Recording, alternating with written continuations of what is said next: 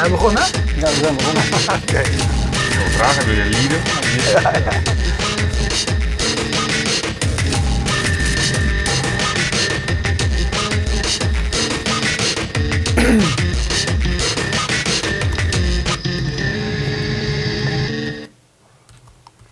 Welkom bij het Topnames. De gast vanavond is Ronald van der Aert. Hij schreef het eh, boek Veel omgaan met kritiek op internet. En je bent eh, van eh, online PR-bureau Rapman. Ja, even het, even het boek in beeld. Ehm, eh, Ronald, ehm, als ik aan jou denk, denk ik eigenlijk toch een klein beetje meteen aan UPC. Een van, de, een van de partijen waar je voor je gewerkt hebt. Klopt. Daar gaan we zo direct nog eventjes over, eh, over praten. Waarom denk je dan aan UPC en niet aan de Arena? Daar heeft hij ook voor gewerkt. UPC was daarvoor nog, denk ik, of niet? Nee, ik heb Nee, eerst nee, twee bij de Arena gewerkt. Nou Nou ja. Twee naar een bureau toe. Toen tien jaar UPC. Ik las in het boek las ik eigenlijk pas dat in de arena dat gras. eh, nee, daar, daar vertelde jij. eh, eh, dat op- er was een bepaald moment dat jij inderdaad werkte in de arena. En dat er pro- problemen waren met de grasmat. Mhm. En dat er heel veel over te doen was. Maar dat het eigenlijk nog in de fase was voordat we het internet hadden zoals we het nu kennen. En jouw vraag was een beetje aan het begin van hoe zou dit geweest zijn als dat internet nu was. Nou, leg mij dat even uit. Wat was er dan, dan op jou afgekomen als, je, als, als we nu een, een slecht werkende grasmat hadden in de arena? Ja, de- eh, eh, die mat die had nog steeds slecht gewerkt. Hè. Laten, we, laten, we, laten we daar, de, de techniek die, die sinds 96 is ontwikkeld, had niks veranderd aan die grasmat. Eh, eh, ik begrijp dat de arena daar al heel ver in is, hè, maar nog steeds een aantal malen per jaar een herbezoding heeft. Ehm, Al een tijd Maar- niet meer. Maar goed. We maar goed, detail. Ja. Maar af en toe is dat nog steeds nodig. En ehm, eh, eh, het grote verschil tussen, tussen toen en nu. toen stond eh, eh, eh, internet in de kinderschoenen. We hadden nog eh, 56k dial-up modems. En ehm, eh, er was geen sprake van sociale netwerken. Er was geen sprake van mobiele telefoons of smartphones met camera's. En, en, en laat staan dat je filmpjes kon opnemen en live kon streamen vanuit het stadion. Ehm, eh, dus wat er nu zou gebeuren als, als de, arena in 2013 zou opengaan. eh, dat daar gewoon 50.000 mensen met een camera op zak in zitten. En die leggen alles En vast. dan was het op social media. Ja, en, en, en, en maandenlang. Ja. Eh, eh, de arena zou trending topic zijn. eh, ehm, de grasmat zou trending topic zijn. Alle kinderziektes zouden trending topic zijn. Ehm, en ik, ik, ik gebruik het als een, als een eh, model, of als een, nou, niet als een metafoor, maar eigenlijk als een case om eh, het onderwerp van het boek neer te zetten. En eh, ik ga een klein beetje eh, aan de haal met het onderwerp. En uiteindelijk eindigt dat met eh, een Project X op de middenstip van de arena. Met rellen met de ME enzovoort enzovoort. Ja. Eh, maar daarmee staat eh, het onderwerp van het boek. Ja, want het onderwerp is omgaan met eh, kritiek op internet. Waarom vond jij het belangrijk dat dit boek er kwam? Ehm, omdat het, nou, heel makkelijk eigenlijk omdat het er nog niet is. En je ziet heel veel sociale media eh, boeken verschijnen. En daar is altijd wel ergens een hoofdstuk of een paragraaf wat gaat over webcare. Of over online reputatiemanagement. Het wordt aangeraakt, maar er is nergens een boek nog geschreven in Nederland wat dit als, als hoofdonderwerp heeft. Is het En- toch een, een, een belangrijk eh, probleem of een belangrijk eh, thema in, eh, bij veel organisaties? Ik merk in, in mijn praktijk dat veel bedrijven ermee worstelen. Ook veel overheden zijn ermee bezig. Of het nou gemeenten zijn of semi-overheidsinstellingen, uitvoeringsorganisaties of ministeries. Maar ook eh, grote en ook, ook kleine bedrijven eigenlijk. Hè? Dus de, de ondernemer op de hoek met een restaurant of met een hotel. Of, eh, eh, die misschien niet de, de, de schaal hebben om 24 uur per dag het web te monitoren. En te reageren op issues die ontwikkelen. Maar die op hun schaal en op hun niveau, klinkt misschien wat raar, maar op hun schaal wel degelijk iets met hun online reputatie zouden moeten. Eh, omdat ze bijvoorbeeld kritiek krijgen. Denk maar aan een hotel of een restaurant wat op een vergelijkingssite ehm recensies krijgt. gelijk- nou ja, of, met een, of, of een compliment krijgt. En wat kan je daar dan mee? Ehm, en voor hen heb ik eigenlijk dat, dat boek geschreven. Ja, maar hè, de titel is niet voor niks. Ik bedoel, de, eh, hoe je omgaat met, eh, met hulde is een beperkt, is een, is beperkt, is een beperkt Ja. deel van het boek. Er gaan een paar bladzijden over, maar de rest. Ja, hey, eh, maar als ik, als, als ik even, even citeer, eh, in, in, in, in de inleiding zeg jij... eh, het zeuren en zeiken en zaniken van klanten lijkt steeds luider te klinken. En, en een paar zinnen later zeg je... consumenten pikken steeds minder van overheden ehm, ehm, eh, en, en bedrijven. Ehm, Is dat slecht? Is dat goed? Is het een feit? Ehm, nou, het is een beetje de, de, eh, wat trendwatching.com in 2007 zei, de, de tirannie van de transparantie. Eh, eh, door internet, maar ook door sociale media, is alles inzichtelijk voor iedereen, op ieder moment van de dag. Ehm, voor consumenten of burgers is dat een, een zegen. En bedrijven zullen eraan moeten wennen. Ehm, en je ziet dat een aantal bedrijven dat op dit moment al uitstekend doen. Met vallen opstaan en met hun eigen leercurve. Ehm, maar een aantal bedrijven zijn er nog helemaal niet mee bezig. Of, of vinden het nog steeds eng, hebben er nog steeds weerstand tegen. En hebben nog steeds het gevoel dat als ze, als ze maar niet eh, op internet kijken wat er over hun geschreven wordt, dan is het er ook niet. Totdat ze merken dat klanten weglopen. Of dat klanten met een mobiele telefoon in de winkel staan en de prijzen bij de buren even vergelijken met de prijzen bij hun. Ja. En, en vervolgens naar buiten lopen. Maar ik eh, zei dat ik, ik jou van, eh, van je UPC-tijd eh, ken en, en herinner. Komt misschien ook omdat ik minder in het Ajax-stadion kom dan Roeland. Eh, die heeft nou helemaal zijn seizoen- seizoenskaart. Vaste plek. Ja, zijn seizoenskaart. Maar een ander ding is, ik weet nog dat jullie een van die, die, van die bedrijven waren die op een bepaald moment met heel veel negatieve reacties te Ja. maken kregen. En jullie als een van de voorbeelden gelden van een bedrijf wat daar iets mee gedaan heeft. En waardoor uiteindelijk de naam van UPC weer beter of minder slecht, of hoe je het wil eh, noemen, eh, Ja. eh, is geworden. Eh, ja, we, we hebben in 2000 die, die golf van kritiek over ons heen gekregen. Door een. nou, niet door een samenloop van omstandigheden, want dat was het niet. Maar het, doordat de dienstverlening destijds daadwerkelijk achterbleef. En consumenten zich in gebruikersverenigingen hadden verenigd. En, en daar eh, bij ons aan de deur klopten. En eh, daar waren wij aanvankelijk doof voor. Dat, dat hadden we helemaal niet door dat dat zo ernstig was. Wel dat er klachten waren, maar niet dat die gebruikersvereniging zoveel power kon ontwikkelen. En je ziet, en dat zie je eigenlijk nog steeds op dit moment, eh, een, een hele eh, krachtige wisselwerking. eh, misschien wel vliegwieleffect tussen reguliere media en sociale media. En, en toen eigenlijk ook al in 2000, toen zo'n gebruikersvereniging ook aanklopt bij eh, een consumentenprogramma op televisie. En die pakken dat op en die gaan aan de slag. En, die, en dan komt het weer eh, bij zo'n gebruikersvereniging. En dat, dat effect wordt alleen maar sterker. En in 2006, nadat we bij UPC een, een, echt een enorme eh, reorganisatie hadden ondergaan, de hele boel eh, opnieuw hadden ingericht, nieuwe klantenservice ingesteld hadden, nieuwe administratie, nieuw netwerk.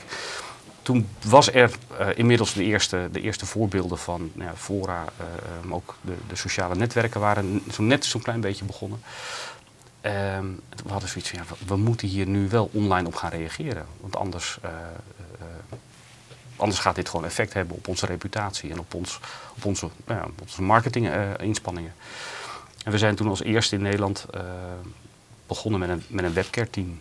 En ja, als je als klant of als, als samenleving niet zoveel verwacht van een bedrijf, hè, omdat het een, een roemruchte re- eh, eh, reputatie heeft, en je presteert dan iets in positieve zin, dan is dat opeens nieuws. Het valt ook op. dan. Het valt op. Ja, valt dus op, we ja. hebben de journaals ermee gehaald destijds. En dat is natuurlijk een beetje het first mover effect. Maar we hebben journaals gehaald. We hebben heel veel in kranten gestaan. eh, heel veel in, in online media.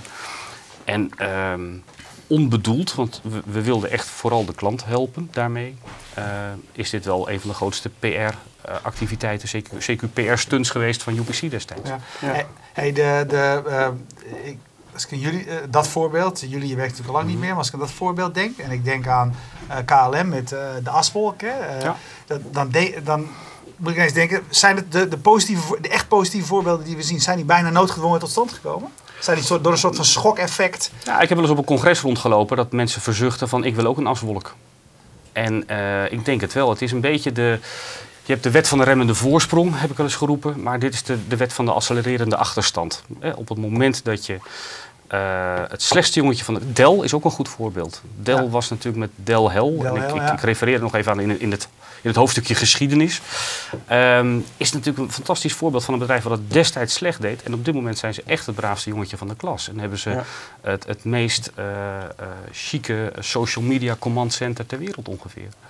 Toch, toch vind ik het wel grappig, want eigenlijk eh, spreek je jezelf ook weer een klein beetje tegen. Want je zegt in je eigen boek van dat je het eigenlijk alleen maar hebt geschreven voor bedrijven die alles tip-top in orde hebben. hebben. Eh, als, je, als je slechte dienstverlening bent of je bent eigenlijk niet helemaal eerlijk over je. Ja. eh, je bent niet Ja. helemaal transparant, dan, dan heeft het geen zin. Dan, dan zeg je ja, dan heb je een ander probleem. Dan moet je dat eerst maar oplossen. Maar dan kom je er ook niet uit met online reputatiemanagement. Nee, maar, dat, Maar, dat- maar eigenlijk spreek je zelf een beetje tegen. Want UPC had natuurlijk in- ook in 2006 zijn dienstverlening nog niet piekfijn in orde. Nee, en de vraag is zelfs of je als eh, groot infrastructureel bedrijf, of je nou de NS bent, of ProRail, of een bank, of een energiemaatschappij, of een telecombedrijf, of je überhaupt ooit je dienstverlening 100% op orde hebt. Er zal altijd een, eh, een, een percentage, of nee, er, altijd, er zullen altijd incidenten zijn, er zullen altijd crisis zijn, er zullen altijd ongelukken zijn. Ehm, maar dat, Gaat het dan meer om de vraag, anders. gaat het dan meer om de vraag of je er transparant over durft te zijn? Ja, Eh, eh, ja eh, precies. En het punt wat ik wilde maken is, op het moment dat je structureel je dienstverlening niet op orde bent, ja, dan kun je met online reputatiemanagement misschien, misschien tijdelijk iets betekenen, maar dat is niet geloofwaardig. En we kunnen wel heel hard roepen met z'n allen via Twitter, we zijn zo goed, we zijn zo goed, we zijn zo goed. Maar als je dag in, dag uit eh, niet bereikbaar bent enzovoort, dan ga je niet redden daarmee. Dan is het effect daarvan eh, eigenlijk nihil en ben je binnen de kortst mogelijke tijd niet geloofwaardig. Ja. We nemen ook graag vragen van Twitter. Ik zag er al eentje langskomen eh, van Pim TT. Eh, wat zijn echte naam is, dat weet ik eigenlijk niet. Weet jij dat? Pim Tentijen. Pim Tentijen. Die is heel benieuwd trouwens naar wat je te melden heeft. Maar vraagt, eh, wat is de grootste fail die je kent? Eh,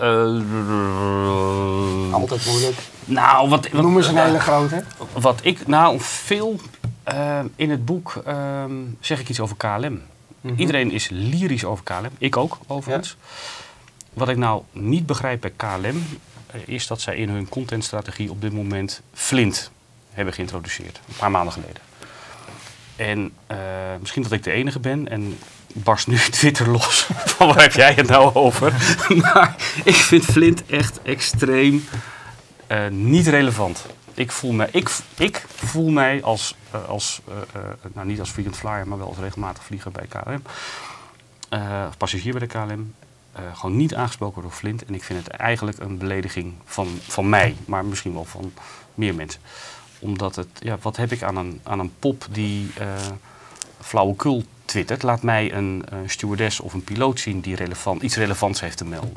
Maar ja, goed, dat is, dat is, dat is, Maar net, dat is net zoiets als dat een bepaalde eh, reclame mij irriteert van een bedrijf. Eens. Zeg maar. Dat is geen echte grote. Ja. Dat ben ik met je eens. Ja. Ehm, een recente veel ehm, is eh, eh, ING. Eh, waar het misging hè, in april eh, in het betalingsverkeer. Maar waar ze ook in de communicatie wel steek hebben laten vallen. Ja. En niet een beetje ook, hè? En die een beetje ook. En, Ja. en, en tegelijkertijd, ehm, als je dan terugkijkt van wat ze niet goed hebben gedaan, hebben ze in die hele hectische middag, waar, eh, waar er veel onzekerheid was over wat er wel of niet aan de hand was, hebben ze eigenlijk relatief maar hele korte tijd eh, niet gecommuniceerd. En toen op een gegeven moment was er regie. En toen zijn ze zowel via sociale media als via de reguliere woordvoering zijn ze gaan, gaan uitleggen wat er aan de hand was. Maar in die twee uur dat ze eh, eh, de kaken, het webcare-team de kaken stijf op elkaar heeft gehouden, eh, daar is wel een hoop commotie door veroorzaakt. Ik moet even wat webcare doen. Ja, we, dat is een grote ze- ik, ik, ik, ik zie, ik zie roos.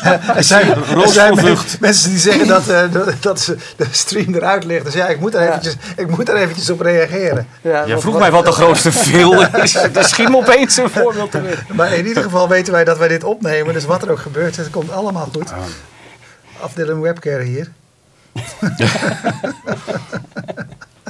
Wat moeten we nou doen? Ja, Ja, ik eh, drinken maar wat. Of, Kijk, eh, we even door. Even kijken. Wat, oh, maar goed, Marco Derksen hoort Oh, jou nog wel praten van Oh, over Flint is voor ja. KLM.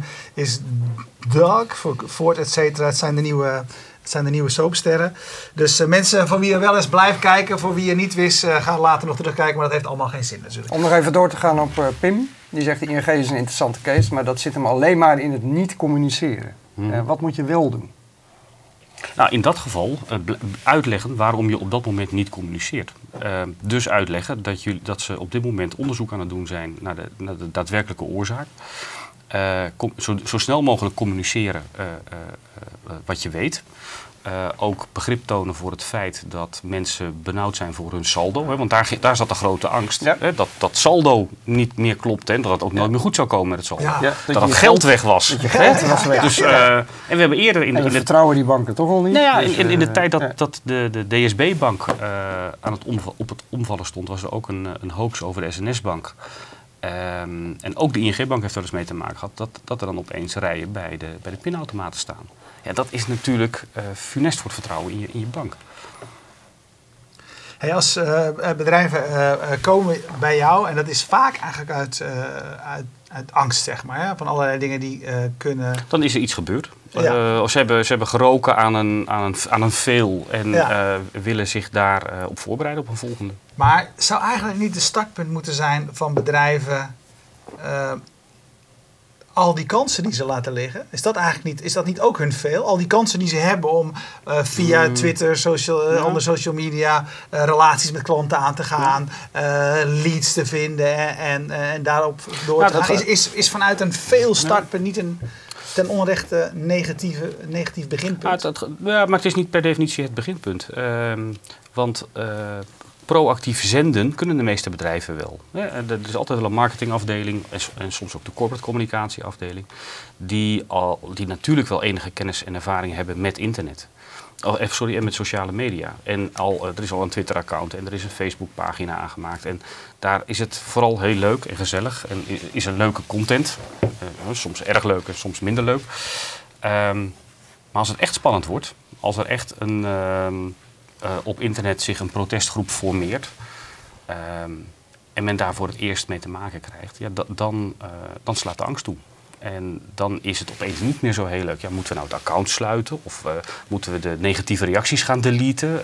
Dat zijn dan vragen die je krijgt. Ja, nou, nou suggereer je in de tekst op het boek ook een beetje dat er dus een soort oplossing zou zijn. Of dat je, dat je je door dit boek te lezen je reputatie kunt eh, redden als je publiekelijk aan de schandpaal genageld wordt. Maar is nou juist niet de angst Ja. ook van ondernemingen eh, dat als dat gebeurt, dat je ook eigenlijk machteloos staat. Dat als je gewoon drie onterechte, slechte recensies krijgt op booking.com, ja, dat je het risico loopt dat je gewoon weg bent. Nou, En daar kun jij toch ook niks mee aan doen dan? Mm, ja en nee. Dus er zijn voorbeelden van, eh, van bedrijven die inderdaad slechte eh, eh, recensies krijgen. Wat je daar overigens meestal ziet, is dat eh, dan ook de, de passagiers of de, de gasten die een positieve ervaring hebben, zich ook wel weer gaan mengen in zo'n discussie. Al dan niet eh, geholpen door, door de restauranthouder of de, of de hoteleigenaar. Ehm, wat je in zijn algemeenheid natuurlijk het liefste ziet, is dat bedrijven voorbereid zijn op de crisis. Dus hè, dat op het moment dat, dat de crisis losbarst, maar dat zie je ook in, in offline crisis. Op het moment dat je dan pas gaat nadenken over eh recallacties of over de opvang van passagiers van een gestrande trein of een, een neergestort vliegtuig, dan ben je te laat. Hè? Ja. Daar moet je draaiboeken voor hebben. Ehm, en in het, eh, daarom maak ik in dit hoofdstuk ook een, een onderscheid tussen eh, webcare aan de ene kant voor het oplossen van allerlei vragen en klachten ehm, van klanten en, en burgers. En aan de andere kant eh, schets ik een ehm, stappenplan voor online reputatiemanagement, waarbij bedrijven zich kunnen voorbereiden en al wat, wat ik dan noem reputatievet op het bot kunnen kweken, zodat ze bij een eventuele crisis of reputatie, eh, reputatiedingetje ehm, wel wat weerstand of hè, er, er wel wat tegen kunnen. Hm. En hoe, hoe creëer je dat dan? Dat, dat, dat, Ja, bijvoorbeeld in ieder geval dat door- vet op je botten, bedoel ik. Ja, in ieder geval- Is het dan zo dat als je je proactief opstelt en in het dagelijks leven transparant bent, dat je dan wat, wat meer tolerantie hebt bij het publiek? Ik, ik, ehm, ik wil bedrijven adviseren om ehm, actief te worden in relevante netwerken. Ehm, om ehm, ook als het goed gaat eh, in dialoog te zijn met klanten. Daar misschien ook wel een platform voor te, eh, te creëren of juist klanten daar op te zoeken eh, waar klanten zelf actief zijn. Ehm, ik eh, adviseer hierin om inderdaad met een, een contentstrategie ehm, eh, klanten aan je te binden. Maar dan niet meteen met de aanbieding van de week. want Dat is wel heel erg makkelijk. En ik vind over het algemeen, want ik, ik kraakte net flint, maar ik vind dat KLM over het algemeen een ontzettend goede eh, eh, contentstrategie heeft. Die daadwerkelijk eh, mij bindt aan de KLM. Ehm, als je dat vertaalt naar andere organisaties, naar andere partijen, dan, ehm, dan denk ik dat je daar zeker reputatievet mee kunt kweken. En jij zegt dat bedrijven, en organisaties en overheden eh, in deze tijd, en dat, jij komt met het begrip communicatie 3.0, een andere taal spreken eh, ehm, dan het publiek. Maar is het eigenlijk niet heel raar? Bij die bedrijven werken toch ook gewoon mensen? Een bedrijf praat toch niet? Ja. Er zitten mensen die namens een bedrijf praten. Er zitten... Ja, klopt. Ehm, ik, ik geef het voorbeeld van communicatie eh, 3.0. Ehm, in, eh, in, in, het, in, het, in het licht van communicatie 1.0 en communicatie 2.0. En, en ik schets in het boek communicatie 1.0 als, een, eh, als de injectienaaldtheorie van wel eer. Je hebt een boodschap en een zender. En als je de ontvanger ehm, van die boodschap maar hard genoeg injecteert met jouw boodschap, dan gaat hij denken of doen wat jij wilt dat hij gaat denken of doen. En daarna kwam eh, communicatie 2.0, waarbij de rol van zender en ontvanger wat ging, ging verwisselen. ehm, eh, waarbij de zender ontvanger werd en de ontvanger zender. En er was wat meer symmetrie in de communicatie, er was ook wat meer gelijkheid. En wat ik nu zie is communicatie 3.0, waarbij eh, er helemaal geen sprake meer is van B2B communicatie of B2C communicatie. Het gaat veel meer over eh, C2C of eh, eh, eh, noem het maar consumer to consumer of citizen to citizen. En, en wij als, wij, ik zeg even wij als bedrijven, bedrijven in het algemeen, staan erbij, kijken ernaar en mogen niet meedoen. Tenzij we iets relevants weten te melden. Ehm, en, dan, en dan is Flint wel weer een goede voorbeeld. Dat is voor mij niet relevant. Als KLM met Flint aan de slag bent, dan ben ik weg. Ja, ik Als- heb nog een andere, eh, vind ik tenminste, interessante vraag van uh, Welderup. Die zegt, is, is veel een waarde, zeg maar, die bij grote bedrijven tussen twee waarden mag eh, variëren? Met andere woorden, kan als er geen klachten zijn de kwaliteit omlaag? Dus Ja. kun- kun, je, Ah, dat is mooi. kun je- Eh, ja, ja, interessant. hè? nou, eh, eh, eh, eh, ehm, kun je het re- scoren? re- reputatie is, is kapitaal.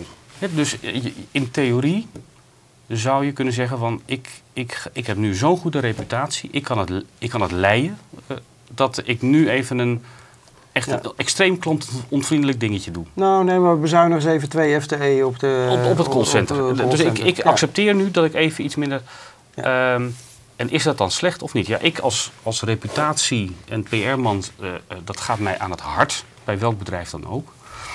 Ehm, maar ik kan me in het geval van een CEO die op de kosten moet letten, kan ik me daar nog wel iets bij voorstellen. Ja. Dus het antwoord is eigenlijk ja. Zo, zo, zo Eh, zou je het eigenlijk- kunnen gebruiken. Ja, ik, ik Ja. kan niet eh, keihard aantonen dat het antwoord verkeerd is. Sabine dat de Vos vraagt. Een vriend van me die zei: Webcare is de nieuwe eh, coupons. Uh, mekker maar en dan krijg je wel korting. Ehm, en wat is dan de rol van de consument zelf? Af en toe is het enorm vijandig en er wordt haast gechanteerd met negativiteit. Tot het geschikt is in, in hun voordeel. hè. We zitten wel in een tijd Mm. waarin het lijkt van als we maar gaan roepen, Nou ja, dan dat, gebeurt er wel wat. Dat, dat zie je. Je ziet, je ziet consumenten steeds steviger tekeer gaan. Hè, eh, ik, een van de eerste interviews die ik over het boek gaf was eh, s s'avonds laat op Radio 5 in een programma. eh, met een, een journaliste die smiddags nog had getwitterd naar een bedrijf. En ik zei van, nou, je was nogal boos. Nee, ik was helemaal niet boos. Ik had, ik had een vraag. Ik zei, maar je gebruikte wel verdacht veel hoofdletters. Ja. Oh ja, maar dat doe ik altijd. En dan reageren ze snel. Dus dat, Ja. eh, eh, de consument ehm, weet inmiddels dat bedrijven online monitoren. En nog niet allemaal, eh sterker nog, nog heel veel niet, maar eh, grote bedrijven zeker.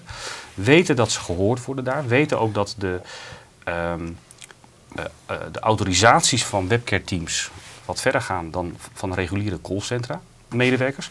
Dus eh, webcare teams mogen sneller en, en wat, wat, wat, eh, wat eigenzinniger optreden.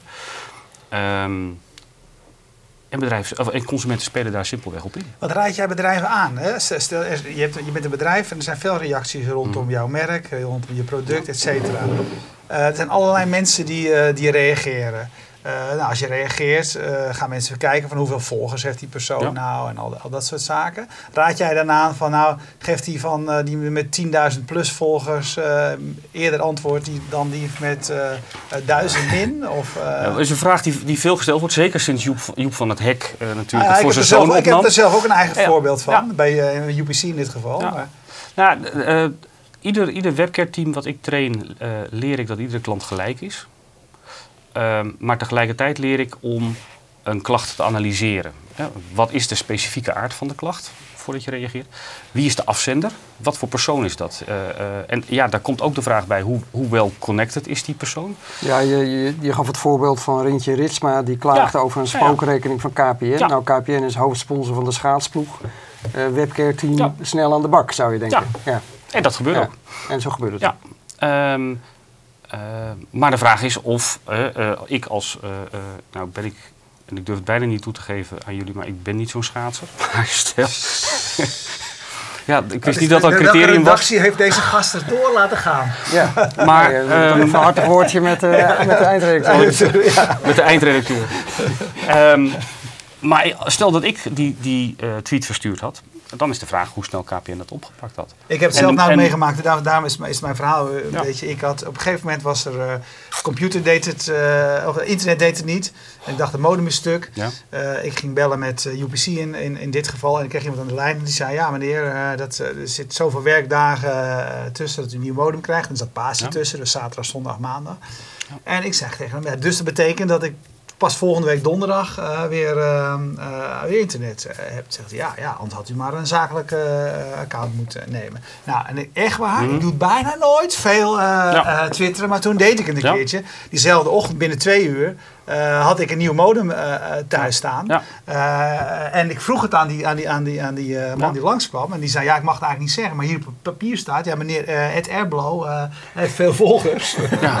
Wel, dus, Het is ook grappig dat dat dan doorkomt bij de monteur ongeveer. dat, dat, dat een is, beetje aardig tegen hem. ja, eh, een beetje, ja. Nee, in, als, als een bedrijf uiteindelijk prioriteit moet stellen, omwille van capaciteit of wat dan ook, En dat is altijd zo. En dat is eh, vaak zo, eh, ja, dan krijgt Joep van Hek voorrang. Maar nog leuk, weet ik wel heel erg. En jij ook. Ja, ik heb een andere keer gehad. dat- Dus het leuke vind ik dat het ook een heel erg zelfcorrigerend eh, element in zit. Want er was ik, naar, ik was naar, naar Lowlands geweest. En eh, T-Mobile had een persbericht de wereld ingestuurd over hoeveel berichtjes er wel niet verstuurd waren eh, tijdens Lowlands. En ik antwoordde toen, nou, hoeveel zou het wel niet geweest zijn als het echt gewerkt, als, dat, eh, als, ze- als ze echt Ja, bereik precies, hadden ja, gehad. ja. Eh, en toen antwoordden ze op mij. En toen gingen allerlei mensen op Twitter die gingen zeggen: waarom antwoorden jullie hem wel? En, En mij de vraag niet. was al Ja. veel keren geplaatst. Ja. Dus dat vond ik er wel een, vond ik wel een mooi aan. Een vraag van Tom Boon. Eh, wanneer slaat webcare door? En kan dat eigenlijk wel? Met andere woorden kun je ook te veel webcare doen. Ehm, En te aardig Nou. zijn. En te... eh, Ehm, ja, als, je. Ik denk dat het door zou slaan op het moment dat je de, de principes die je met elkaar in het bedrijf hebt afgesproken, de, of de manier waarop je zaken doet, dat je die gaat verlaten om maar een klant te pamperen. Hè, ik bedoel, ik, ik, ik ben van de school die vindt dat je uitermate klantvriendelijk moet zijn naar klanten toe. Eh, maar er zijn ook grenzen. En eh, eh, eh, eh, ook, eh, ook Joep van het Hek, om dat voorbeeld maar even aan te halen, zou die grens kunnen overschrijden. En dan kan hij nog zoveel volgers hebben, maar dan moet je ook een streep durven trekken. Met de consequenties van dien waarschijnlijk, maar dat daar gelaten. Ehm, maar eh, wat veel interessanter is, is dat eh, webcare inmiddels iets heeft losgemaakt bij consumenten. Zo van ja, al, als, als jullie met webcare wel binnen een kwartier kunnen reageren op een tweet en mijn probleem kunnen oplossen, waarom kan je dat aan de telefoon niet en waarom kan je dat met de e-mail niet? Dus webcare eh, heeft er inmiddels toe geleid dat bedrijven merken, voelen, dat de lat hoger is komen te liggen. Hè, Ja. ehm, eh, het, het, eh, de lat aanzien van de rest van hun dienstverlening.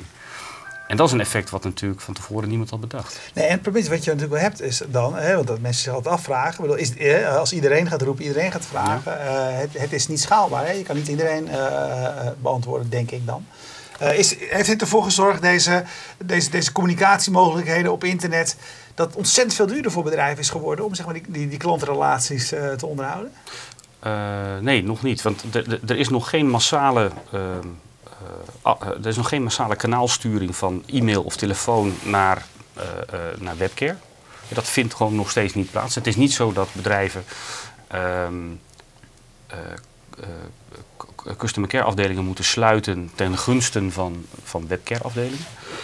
Ehm, en in theorie zou je moeten kunnen zou- je, zou je zeggen van als wij op, op via sociale media consumentenvoorlichting geven, niet één op één, maar eh, one, one to many, ehm, dan zou dat telefoontjes moeten schelen. En dat, Ja. dat, dat scheelt het ook, daar waar het eh, grote incidenten betreft, waar een ING-bank met hun betalingsprobleem of met hun betalingsverkeerproblemen destijds met één of twee tweets de hele goede gemeente kan informeren over de status.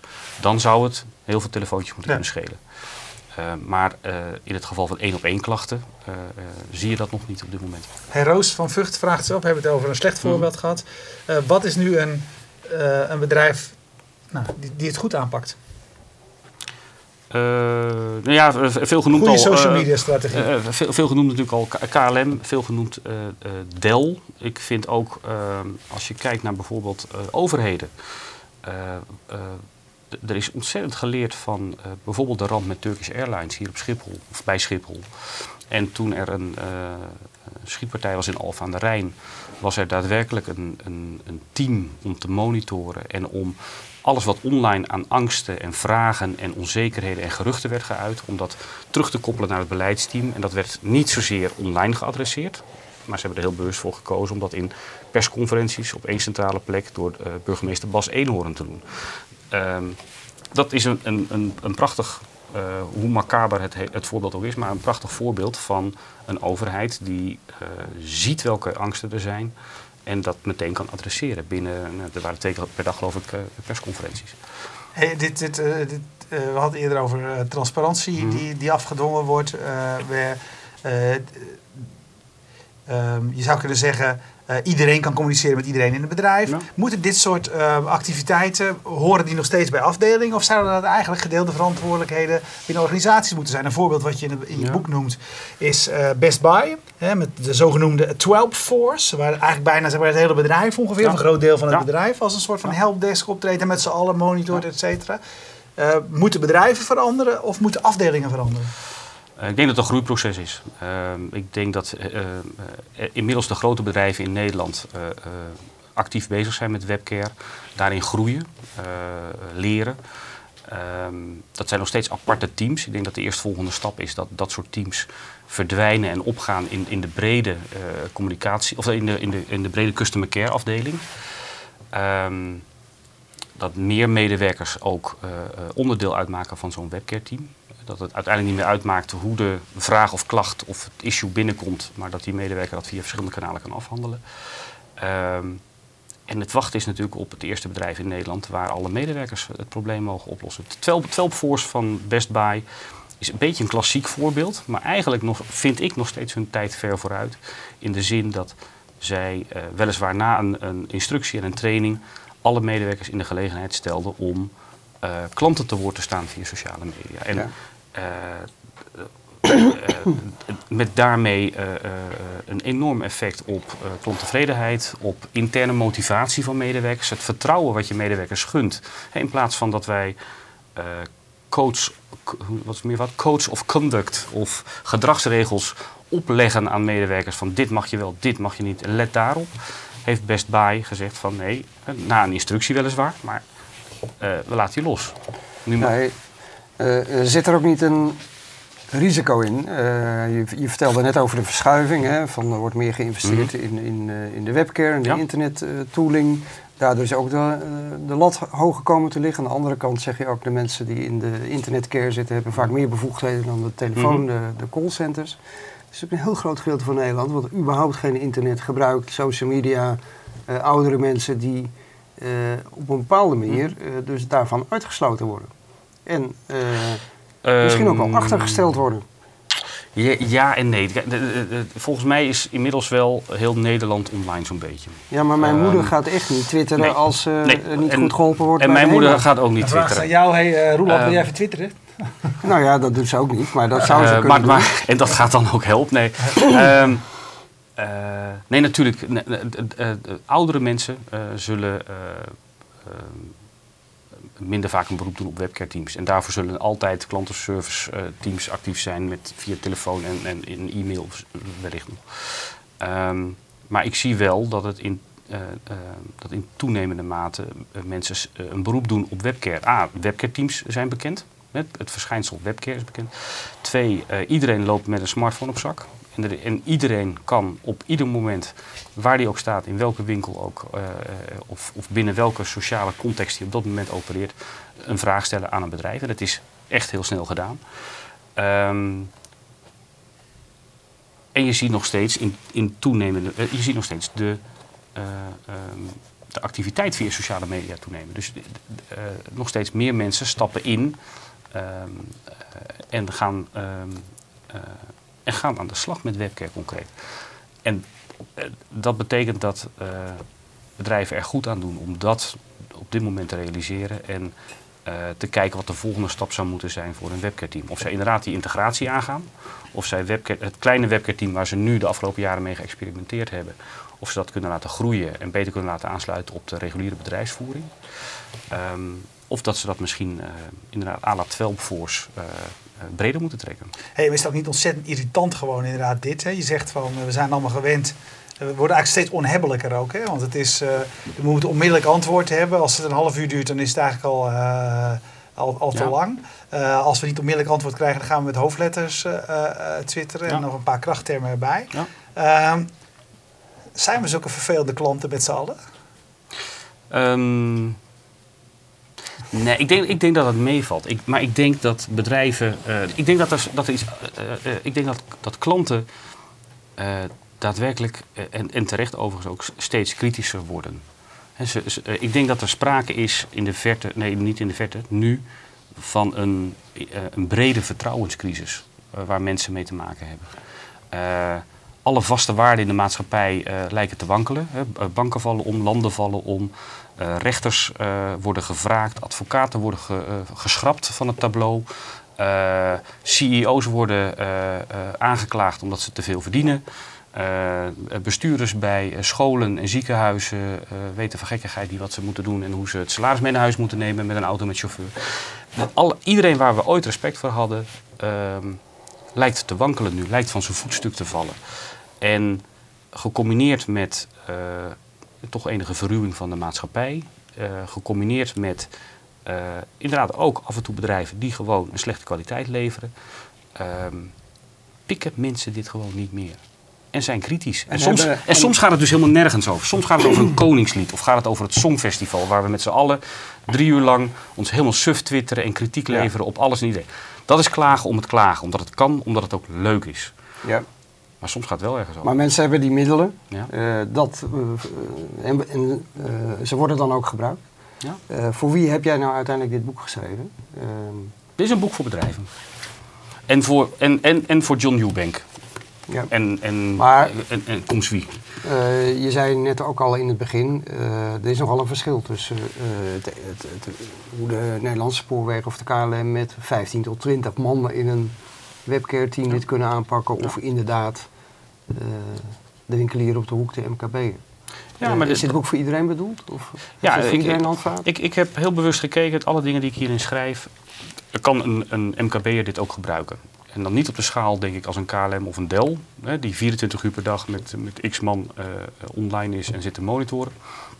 Maar een, eh, een, ook een winkelier, ook een, een, een hotelier, kan monitoren, kan eh, op een smartphone eh, zijn, waarschuwingen, zijn alerts krijgen. Dat hoeft niet de hoofdprijs te kosten. En kan op een momentje dat, dat hem dat past, daarop reageren. En misschien niet eh, binnen 10 minuten, terwijl hij met vijf schalen met dampend eten door de zaak heen rent. Ehm, maar wel aan het eind van de avond of de volgende ochtend. En dan doe ik misschien ehm, eh, sommige eh, MKB'ers tekort, hè, omdat, omdat ze er echt geen tijd voor hebben. Ja, dan zijn er misschien wel mensen die ze willen helpen. Hey, eh, we pakken de vragen die er open staan eventjes na de Ja. uitzending. Want mensen weten, je moet eigenlijk gewoon live kijken om alles mee te krijgen. Dat is een beetje het concept hiervan. Dus de vragen die er open staan houden we even te goed. Voor eh, de on-demand opname sluiten we nu af. Dus bedank jou ontzettend. Graag gedaan. We laten nog één keertje het eh, boek Veel zien. Omgaan met kritiek op internet. Ja, via alles. De, de, de winkel, de bol.coms, de managementboek heb ik het zien staan. Ja. Dus overal te verkrijgen. Ehm, we bedanken Streamzilla eh, voor eh, de stream die bijna de hele uitzending tot je kwam. Althans tot de meeste eh, het goed ging. Eh, en eh, nou ja, als je live kijkt, blijf kijken. We gaan zo direct verder praten met Philip Echter over, eh, over Drome. En eh, als je on-demand kijkt, weet je dat je die uitzending inmiddels ook on-demand kunt bekijken. Via fastmovingtargets.nl of via ons eh, PC-kanaal, wou ik zeggen, maar het is het YouTube-kanaal. Dag. Dag.